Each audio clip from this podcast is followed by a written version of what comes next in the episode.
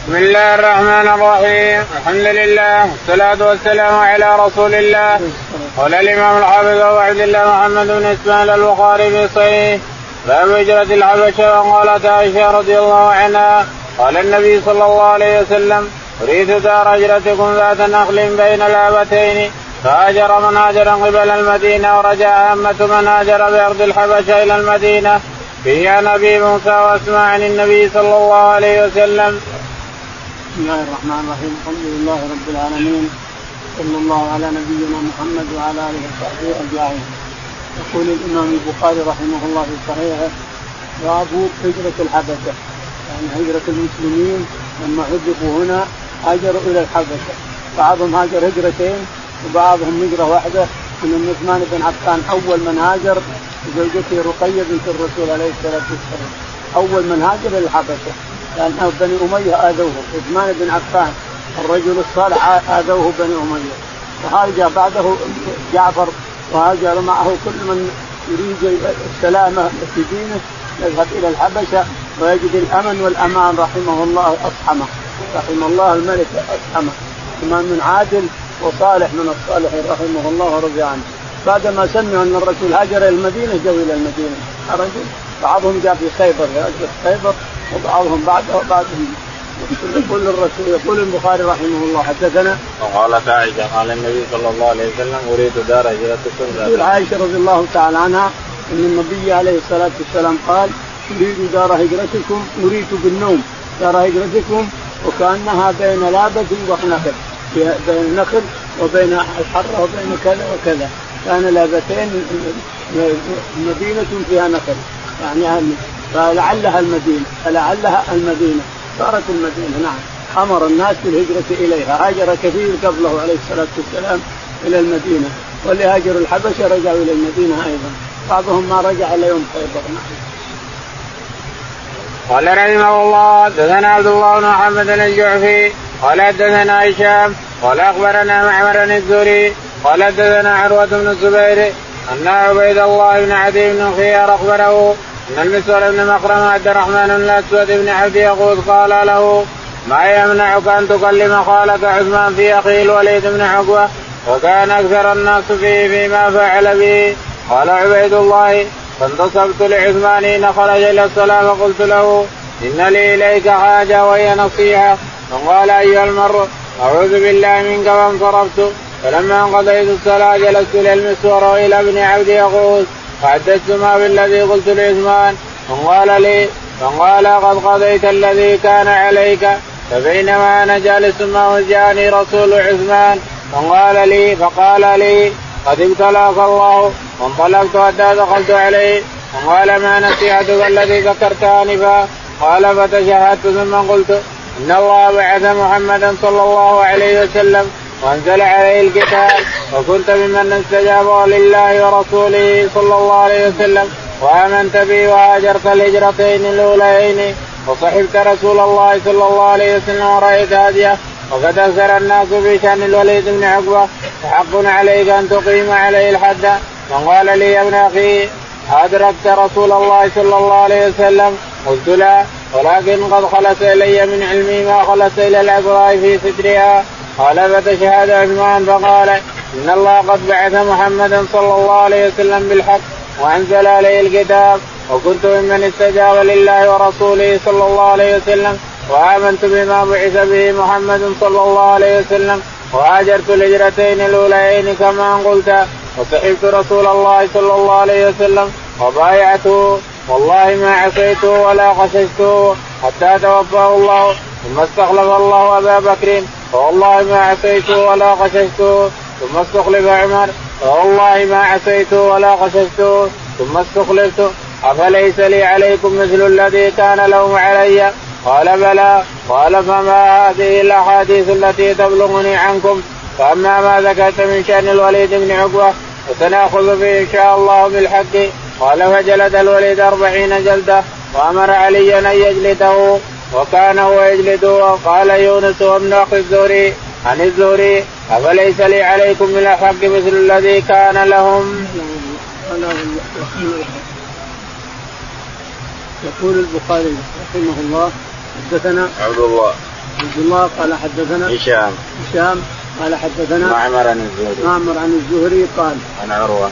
عن عروة بن الزبير قال عن عبيد الله بن عدي بن خيار عن عبيد الله بن عدي بن خيار قال عن مسور بن مقرم وعبد الرحمن بن من المسور بن مخرمة عبد الرحمن بن ابي هذا بن عدي بن خيار قريب لعثمان من جهة النساء. ولهذا امروه أن ينصحهم. وهم هم موجودين فنصحهم لكن يرون أن هذا افضل من جهة النساء فلعل النصيحة تقبل. يقول إن المسور بن مخرمه وعبد بن يهود عبد الله بن أبي يهود قال له. قال له ألا تذهب إلى عثمان فتنصحه عن هذا؟ فذهب إلى عثمان رضي الله تعالى عنه بعدما صلى وخرج من المسجد قال يا عثمان السلام عليكم. قال عليكم السلام. قال لي إليك نصيحة. قال أيها الرجل أعوذ بالله منك ومن نصائحك. يقول فهربت من قدامه لما قال أعوذ بالله منك ومن نصائحك هربت من قدامه وأتيت إليهم وقلت ابتليتوني بشر أنتم يقول فلما جلست قليلا أتاني رسول عثمان بن عفان رضي الله تعالى عنه وقال قالوا قال الاثنين قد ابتليت قد ابتليت ابتليت ابتلاك الله خلاص. يعني شوف في المخرج. فذهبت إليه ودخلت عليه في داره. فقال يريد النصيحة اعطني النصيحة اللي تقول يقول فحمدت الله وأثنيت عليه. ثم قلت أما بعد فإن الله بعث محمدا صلى الله عليه وسلم بالكتاب وأنزل عليه القرآن وعرف الناس الشريعة وأنت ممن أسلم قديما وهاجر الهجرتين وآمنت بالرسول عليه الصلاة والسلام إيمانا كاملا وانت وأنت إلى آخره. يقول فلما سكت هذا الشيخ. قال أنت أدركت الرسول؟ يقول قال لا ما أدركته. لكن خلص إلي من علمه واحاديثه عليه الصلاة والسلام ما خلص عن على العذراء في خدرها خلص إلينا.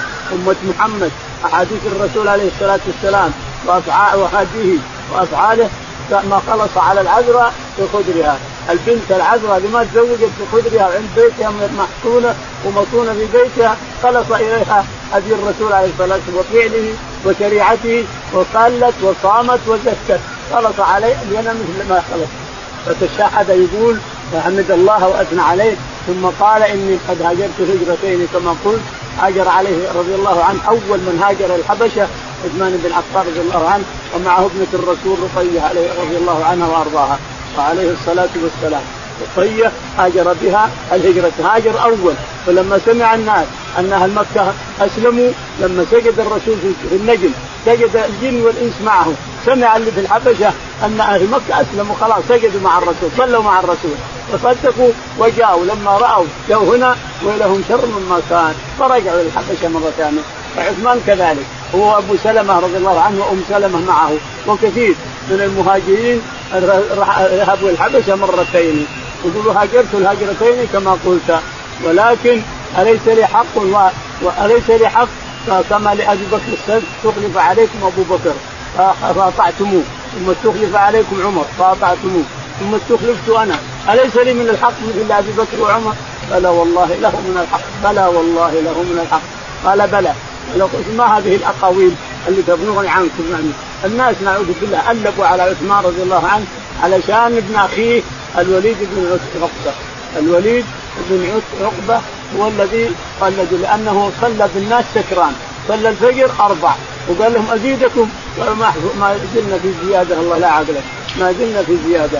فأمر به فجلده عثمان أربعين وجلده علي أربعين ثمانين جلدة في الخمر. لأنه شرب صلى وهو سكران فجلده هو بنفسه أربعين عثمان وجلده علي أربعين فتم الجلد ثمانين جلدا.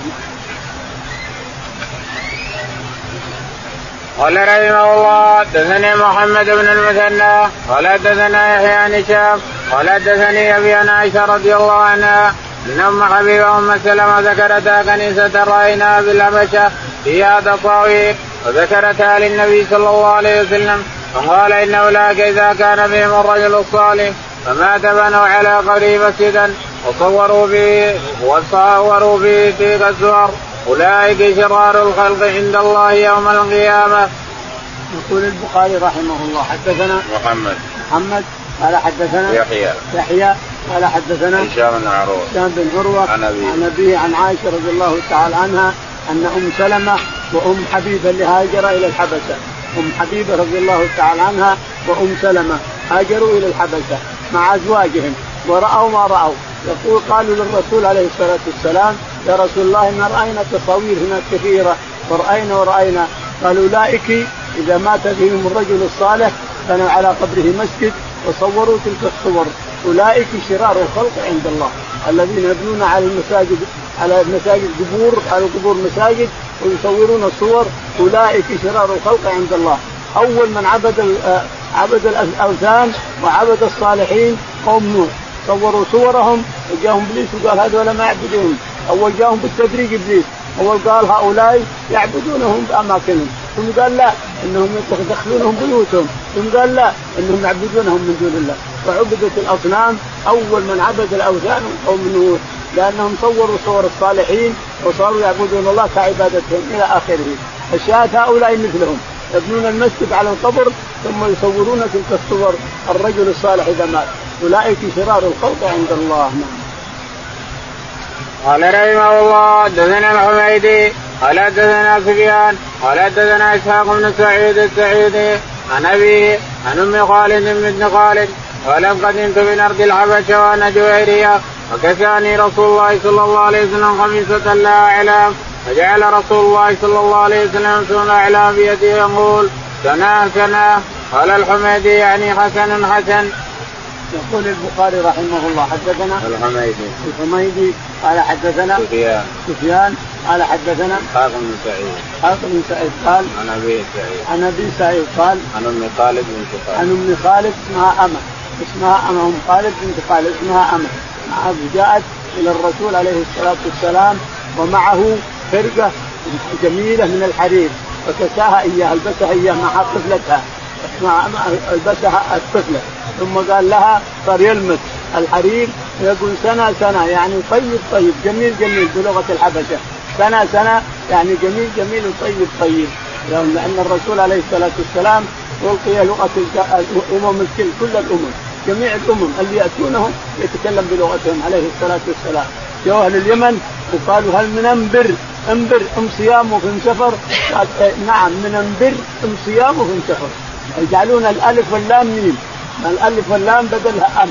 الال يقولون بدلها أم. هل من انبر ام صيام وفي سفر. قال نعم من انبر ام صيام وفي سفر. فيكلم كل لغة كل جماعة يجون بلغتهم اللي يتكلمون بها عليه الصلاة والسلام. أي جماعة يأتون أي لغة يتكلم بلغة يرد عليهم بلغتهم عليه الصلاة والسلام. قال رحمه الله دثنا يحيى بن محمد قال دثنا أبو عوان عن سليمان بن إبراهيم عن علقمه عن عبد الله رضي الله عنه قال كنا نسلم على النبي صلى الله عليه وسلم وهو يصلي فيرد علينا فلما رجعنا من عند النجاشي سلمنا عليه فلم يرد علينا فقلنا يا رسول الله إنا كنا نسلم عليك فترد علينا قال إن بالصلاة شغلا فقلت لإبراهيم كيف تصنع أنت؟ قال ارد في نفسي. يقول البخاري رحمه الله حدثنا يحيى. يحيى قال حدثنا أبو عوانة. أبو عوانة قال عن الأعمش. عن الأعمش قال عن إبراهيم عن علقمه عن إبراهيم عن علقمة قال عن عبد الله بن مسعود. عن عبد الله بن مسعود رضي الله تعالى عنه يقول ابن مسعود كنا نسلم على الرسول عليه الصلاة والسلام قبل هجرة الحبشة ولما هاجر الناس الحبشة ورجعوا وجدوه ما يرد. أول يرد إذا سلم الإنسان عليه رد ثم لما هاجروا ورجعوا إلى الحبشة سلموا عليه فلم يرد. فسأله إبراهيم لما ما ترد؟ قال إن في الصلاة لشغرا الصلاة فيها شغل لا يحصل شيء من كلام بني آدم. الصلاة لا يصلح فيها شيء من كلام بني آدم بل يبطلها. كما ذكر في حديث عمرو بن الأعرابي اللي قال قال السلام عليكم. لما سلم وهو يصلي حسبه الناس بالحجارة. قال ويلهم ليش يحسبوني لما سلم الرسول عليه الصلاة والسلام دعاه أن هذه الصلاة لا يصلح فيها شيء من كلام الناس. عمرو بن كذا عمرو بن عمرو بن الحكم الحكم بن ما أدري هو عمرو بن الحكم أو الحكم بن فالشاهد أنه قال إن في الصلاة لشغلا وإن الكلام هذا كله يبطل الصلاة. يعني حتى لو فصلحته حتى لو مصلحت الصلاة. سلم الإمام ثم قال له الناس سبحان الله سبحان الله وبعضهم تكلم وبعضهم تبطل الصلاة كلها لازم يعيدونها من جديد. أما إذا قالوا سلم وقالوا سبحان الله وقام وجاب اللي مره فلا الصلاه صحيحة إلى اخره قال قال قلت لإبراهيم كيف تصنع أنت؟ قال ارد يقول قلت لإبراهيم كيف تصنع أنت؟ لا سلم عليك أحد تصلي. قال رد في نفسي. يعني ما رد جهرا ارد في نفسي. أو تشير كما فعل الرسول. سلم عليه انسان يصلي فأشار بيده هكذا نعم. قال رحمه الله حدثنا محمد بن العلاء قال حدثنا أبو أسامة قال حدثنا بريد بن عبد الله نبي بردان ابي موسى رضي الله عنه بلغنا مخرج النبي صلى الله عليه وسلم ونحن باليمن ركينا سفينة فلقدنا سفينتنا إلى النجاشي بالحبشة ووافقنا جعفر بن أبي طالب فأقمنا معه حتى قدمنا ووافقنا النبي صلى الله عليه وسلم حين افتتح خيبر. قال النبي صلى الله عليه وسلم لكم أنتم يا أهل السفينة هجرتان. يقول البخاري رحمه الله حدثنا محمد. محمد قال حدثنا أبو أسامة. أبو أسامة قال حدثنا بريدة. حدثنا بريدة ابن أبي بردة ابن أبي موسى الأشعري رضي الله تعالى عنه يقول بلغنا أمر النبي عليه الصلاة والسلام ونحن باليمن وراء المخاليف لاحظوا وراء المخاليف آخر الدنيا. المخاليف في اليمن آخر الدنيا. يقول فلما بلغنا أمر الرسول عليه الصلاة والسلام وأن هناك شخص يدعي النبوة وانه ينزل عليه الوحي يقول هاجرنا بسفينة ثم ألقتنا السفينة إلى الحبشة.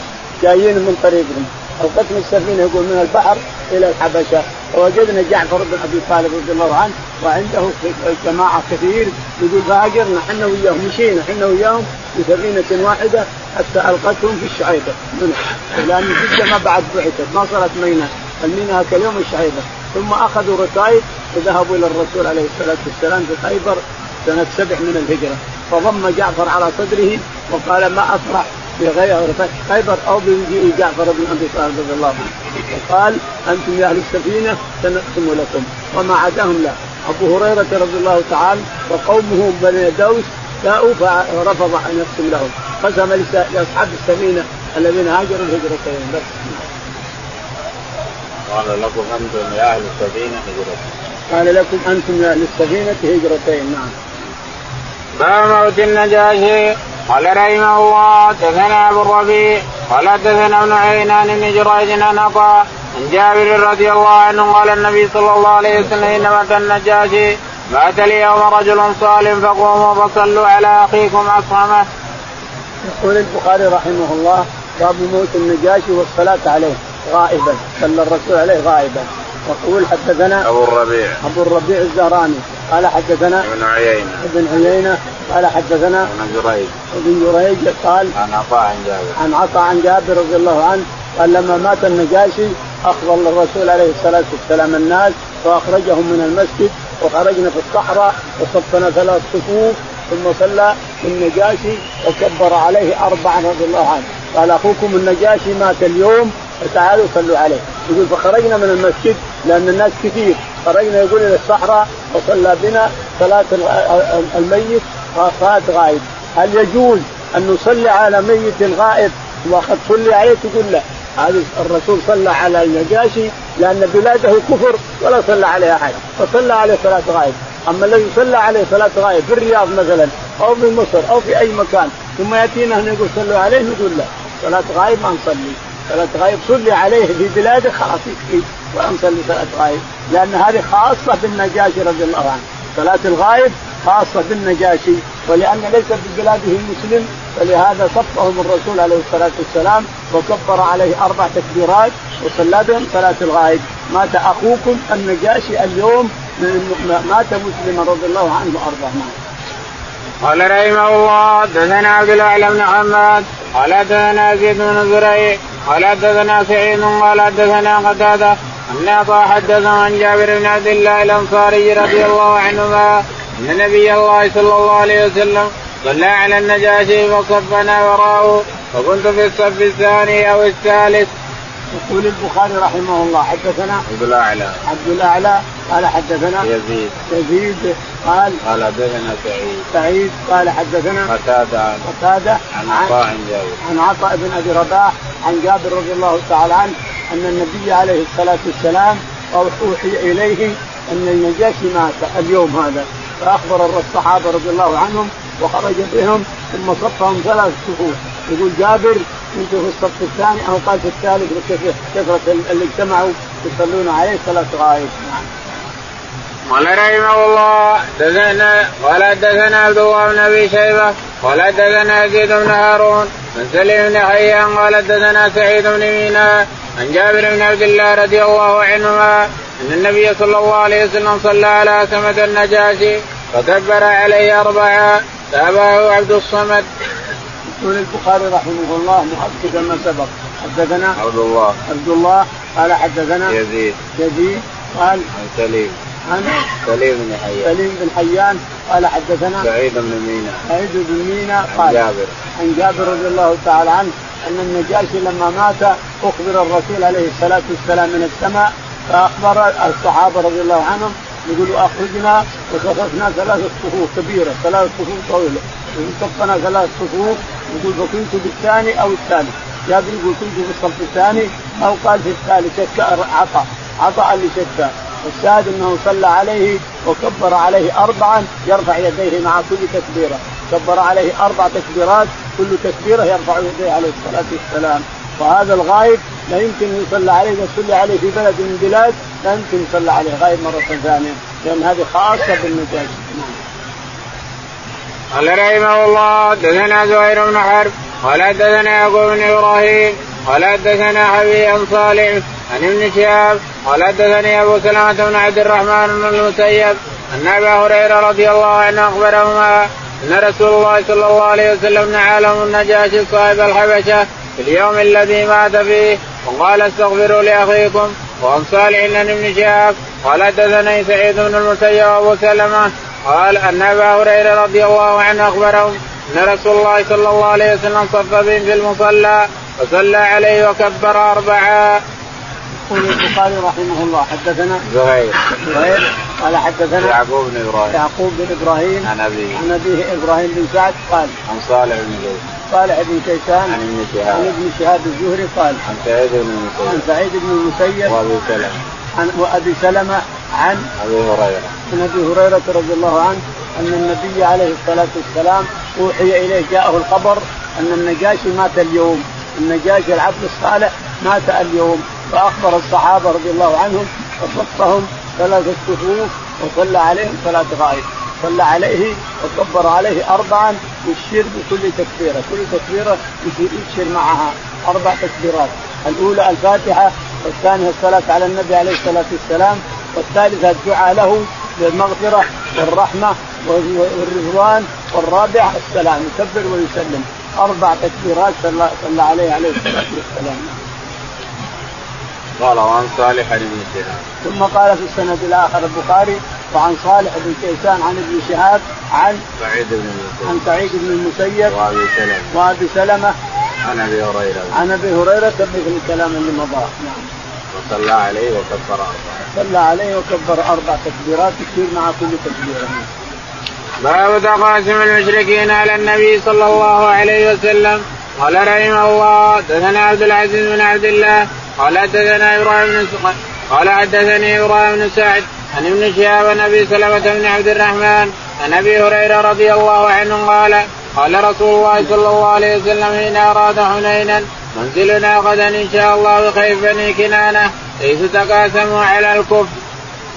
يقول البخاري رحمه الله حدثنا باب باب تقاسم المشركين وتحالفهم على أبي طالب ومن معهم بني عبد المطلب وبني هاشم قبيلتين انحصروا مع ابي طالب أو بني عبد المطلب وبني هاشم ولهذا الرسول عليه الصلاة والسلام لما جاءه عثمان بن عفان وجبير بن مطعم يسترفدانهم قالوا انت تاتي بني عبد المطلب. بنو هاشم معي لكن كان بني عبد المطلب وبنو هاشم صنو واحد كلهم صنو واحد لما انحبس أبو طالب انحبس بنو عبد المطلب وبنو هاشم سوا بالحجر.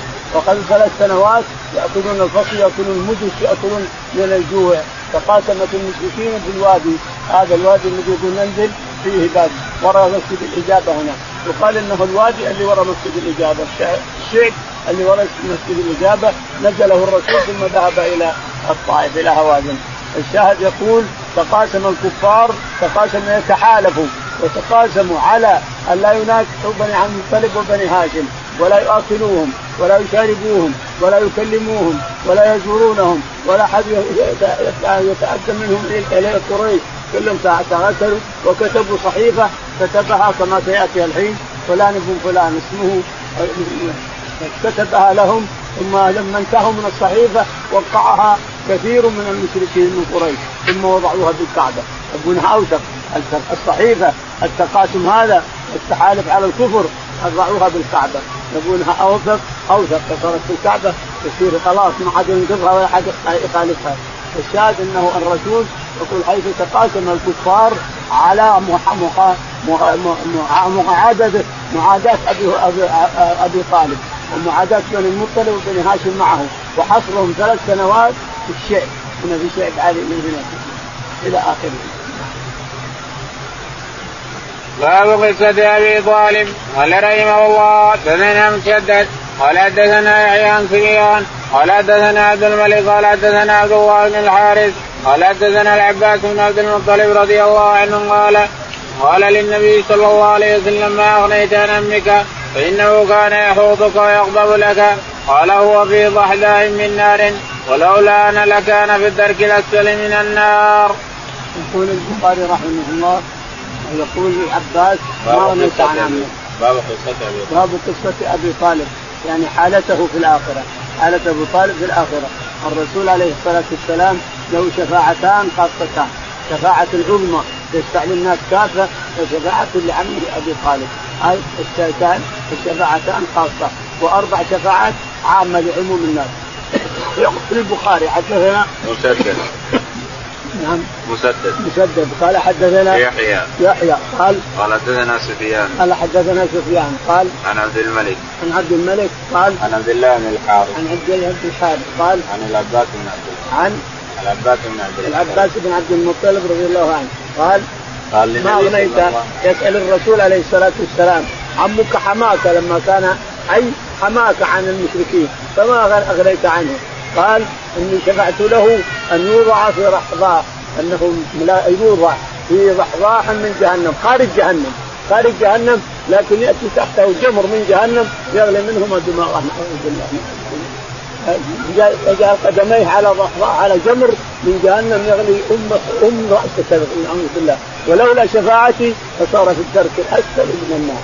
بغير المشركين لكني شفعت له هذه الشفاعة فأخرج من جهنم ولكن وضع له جمر يغلي منه ما لأنه كافر مات كافر قل يا رب يا, يا عمي قل كلمة أحاج لك بها عند الله لا إله إلا الله آتي عبد الله بن أبي أمية وأبو جهل قالوا ترغب عن ملة عبد المطلب عبد على كذا وكذا ترغب عن ملته لا ترغب عن ملة انظر ثلاثاء السوء ثلاثاء السوء نعوذ بالله كيف يضلون الإنسان عند موته يضلونه حتى عند موته فترغب عن ملة عبد المطلب ذكروها الكلمة الخبيثة والمذهب الخبيث والمسلك الخبيث الذي عبد المطلب جاء اخوه عبد المطلب أبوه فكيف ترغب عن ملة عبد المطلب؟ الشاهد أنه مات على ملة عبد المطلب ولهذا لولا شفاعة الرسول لكان في الدرك الأسفل من النار.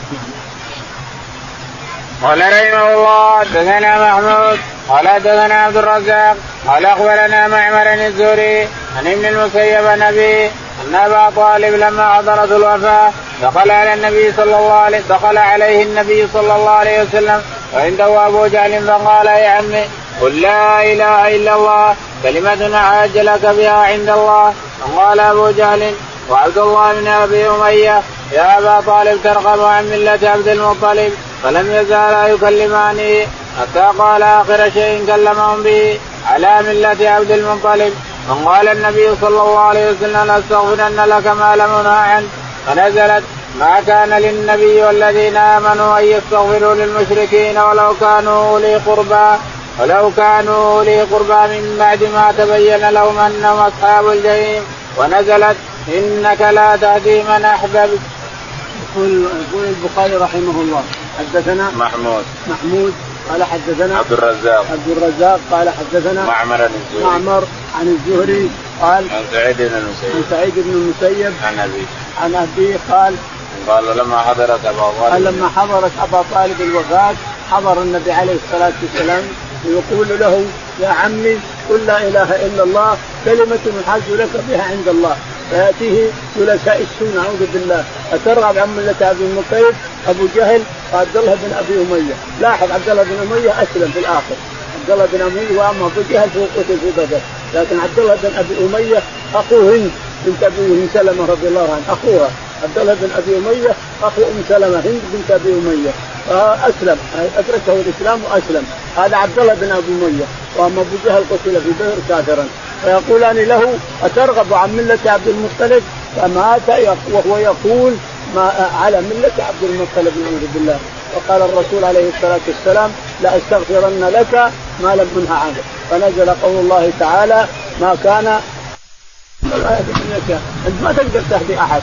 أنت تدل الناس علينا فقط. هدايتك تدل الناس علينا. وأما هداية الإرشاد هداية الإسلام هداية الإيمان هداية التوفيق فهي بيدنا. نحن ليس بيدك. ولهذا قال له في سورة آل عمران ليس لك من الأمر شيء.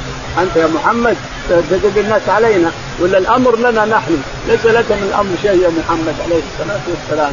فالشاهد ابا طالب مات على الكفر وعذب في ضحضاح من جهنم نعوذ بالله نعم.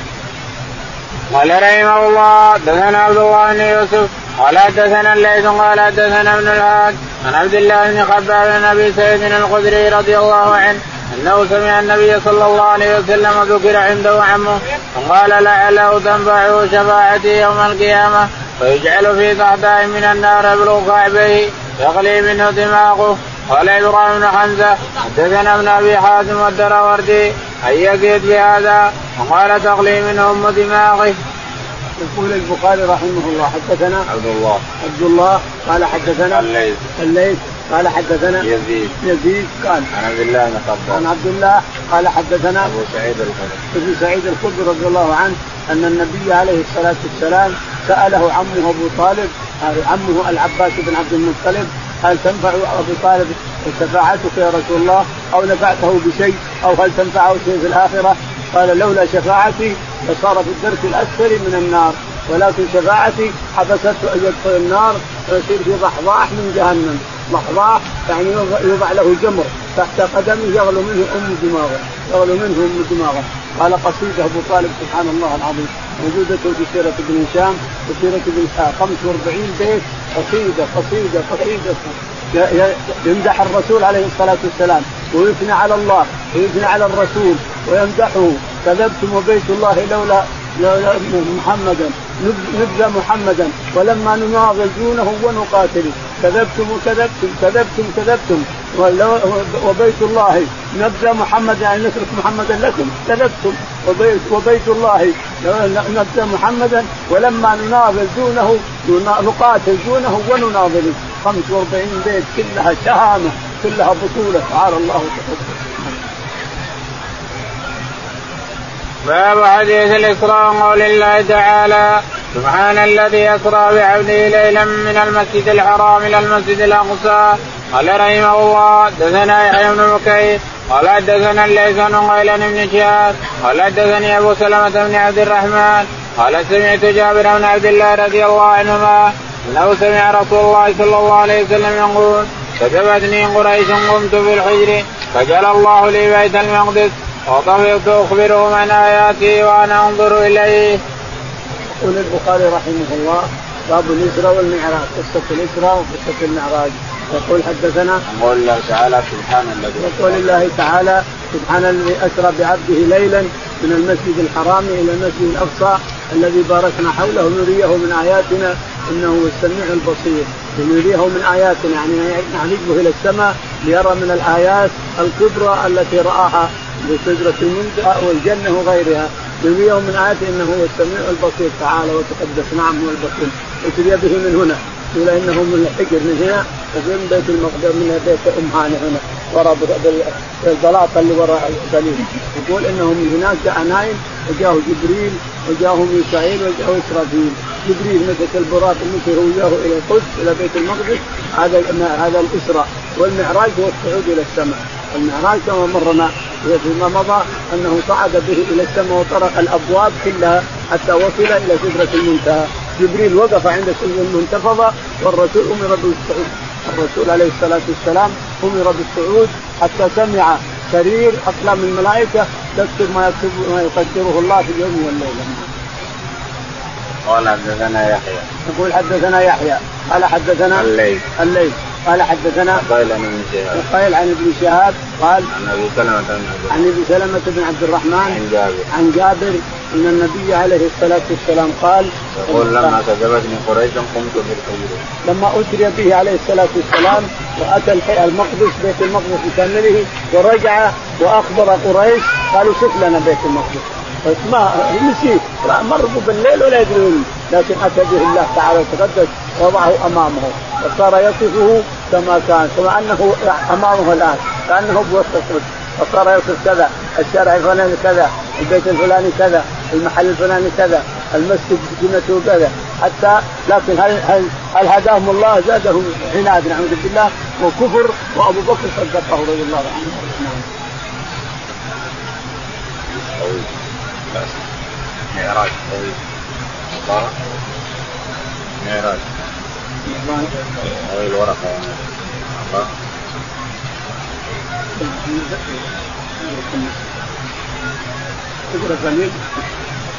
باب المعراج. قال رحمه الله دثنا أسود بن خالد. قال حدثنا أمام بن يحيى. قال حدثنا قتادة.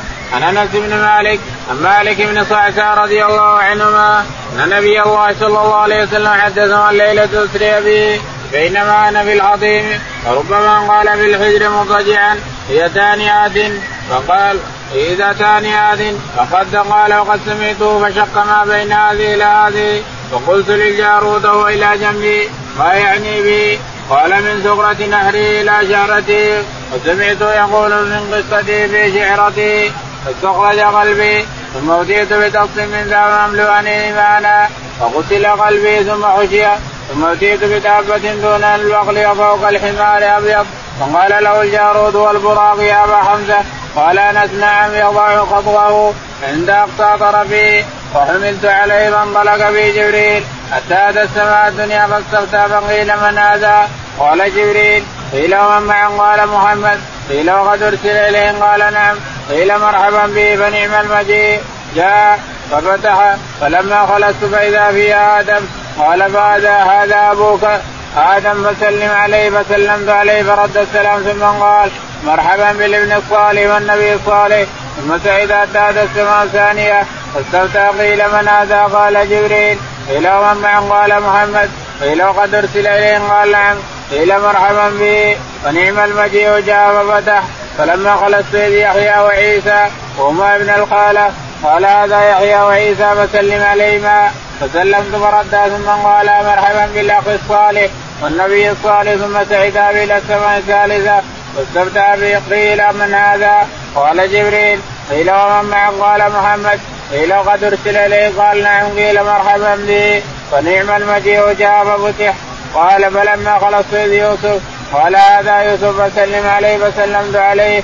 فرد ثم قال مرحبا بالأخ الصالح والنبي الصالح ثم سعد به. حتى سمعت السماء الرابعه واستفتى قيل من هذا؟ قال جبريل قيل ومن معك؟ قال محمد. قيل وقد أرسل اليه قال نعم. قيل مرحبا به فنعم المجيء جاء. وفتح فلما خلصت إلى إدريس قال هذا إدريس. فسلم عليه فسلمت عليه. فرد ثم قال مرحبا بالأخ الصالح والنبي الصالح. ثم سعد به حتى أتى السماء الخامسة. فاستفتح قيل من هذا؟ قال جبريل. قيل ومن قال محمد صلى الله عليه وسلم. قيل وقد أرسل إليه. قال نعم. قيل مرحبا به فنعم المجيء جاء. فلما خلصت فإذا هارون. قال هذا هارون فسلم عليه فسلمت عليه. فرد ثم قال مرحبا بالأخ الصالح والنبي الصالح. ثم سعد به حتى سمعت السماء السادسة. فاستفتى قيل من هذا؟ قال هذا جبريل. قيل من معه قال محمد؟ قيل وقد أرسل اليه قال نعم. قال مرحبا به فنعم المجيء جاء. فلما خلصت فإذا موسى قال هذا موسى فسلم عليه فسلمت عليه. فرد ثم قال مرحبا بالأخ الصالح والنبي الصالح. ولما تجاوزت بكى. قيل له ما يبكيك قال ابكي لأن غلام ليس بعدي يدخل الجنة من أمتي أكثر من يدخلها من أمتي. ثم إلى السماء السابعة فاستفتح جبريل. قيل من هذا؟ قال جبريل. قيل ومن قال محمد. قيل وقد بعث اليه قال نعم. قال يا مرحبا قال مرحبا به فنعم المجيء جاء. فلما خلصت فإذا إبراهيم. قال هذا أبوك فسلم عليه. قال فسلمت عليه فرد السلام. قال مرحبا بالنبي بالابن الصالح والنبي الصالح. ثم رفعت لي سدرة المنتهى. فإذا نبطها مثل قلال حجر. وإذا ورقها مثل آذان الفيلة قال هذه سدرة المنتهى وإذا أربعة أنهار نهران باطنان ونهران ظاهران فقلت ما هذان يا جبريل قال أما الباطنان فنهران في الجنة أما الظاهران فالنيل والفرات ثم رفع للبيت المعمور. يقول البخاري رحمه الله حدثنا الاسرى هذا والمعراج مرنا يجي مرتين مرتين أو ثلاث يمرنا بهذا الصفة بهذه الصفة عن عامر بن مالك بن أبي صعصع رضي الله تعالى فعرفنا أن الرسول اسري به من من هنا إلى بيت المقدس وأنه شق صدره مرتين مرة وهو عند أمه السعدية شق جبريل شق صدره وأخرج حظ الشيطان منه. هذه الشقة الأولى. أخرج حظ الشيطان منه هناك حتى إن أمه السعدية جاءت وولدها السعدي يصيح أخوي سرع أخوي سرع جاءت إلى القائم عليه الصلاة والسلام فضمته على صدرها وجاءت به إلى أمه في مكة. وأما الشقه الثانية فهي هنا في الحقيم ويسمى الحقيم لأن كل من معه شيء يطوف معه مدد معه حاجة تشبهه شيء يرمي فيه يسمى الحقيم يرمى بالحقيم يسمى الحقيم هذا. الحجر هذا يسمى الحقيم قبل أن يبنى عليه جدار. ثم بعد ذلك شق صدره المرة الثانية. هنا ملئ حكمة وإيمانا. هناك حظ الشيطان خرج وهنا ملئ حكمة وإيمانا عليه الصلاة والسلام. ثم بعد ذلك أخذه بيده جبريل وأركبه على البراق والبراق فوق البال دون البال وفوق الحمار. كبير. وأركبه إياه إلى بيت المقدس. وهذا كله مضى وقرأناه مرتين. إلى سدرة المنتهى قرأناه مرتين. وإلى أن رأى الرسول عليه الصلاة والسلام اللوح المحفوظ عند رب العالمين ذرة بيضاء لا يمسه أحد. لا ملائكة ولا غير ملائكة. ذرة بيضاء مكنون لا يمسه أحد. ولكن الملائكة تنظر إليه وتكتب ما يريد الله تعالى وتقدر من قضاء في اليوم والليلة. أما مس ما يمسه أحد. إذا فقول بعض الناس أنه اللوح المحفوظ ما يمسه المطهرون هو اللوح المحفوظ وأما هذا فيمسه فهو خطأ خطأ في الفهم. هذا اللي بين يدينا هو الذي لا يمسه محدث اطلاقا. الذي عليه وصف حدث قائم بالبدن. مانع من الصلاة والطواف ومس المصحف لا يمكن أن يمس المصحف اطلاقا. وأما اللوح المحفوظ ما يمسه لا ملائكة ولا غير ملائكة كما مرنا والله أعلم. صلى الله على محمد. اللهم اهدنا فيمن هديت وعافنا فيمن عافيت وتولنا فيمن توليت. اللهم توفنا مسلمين.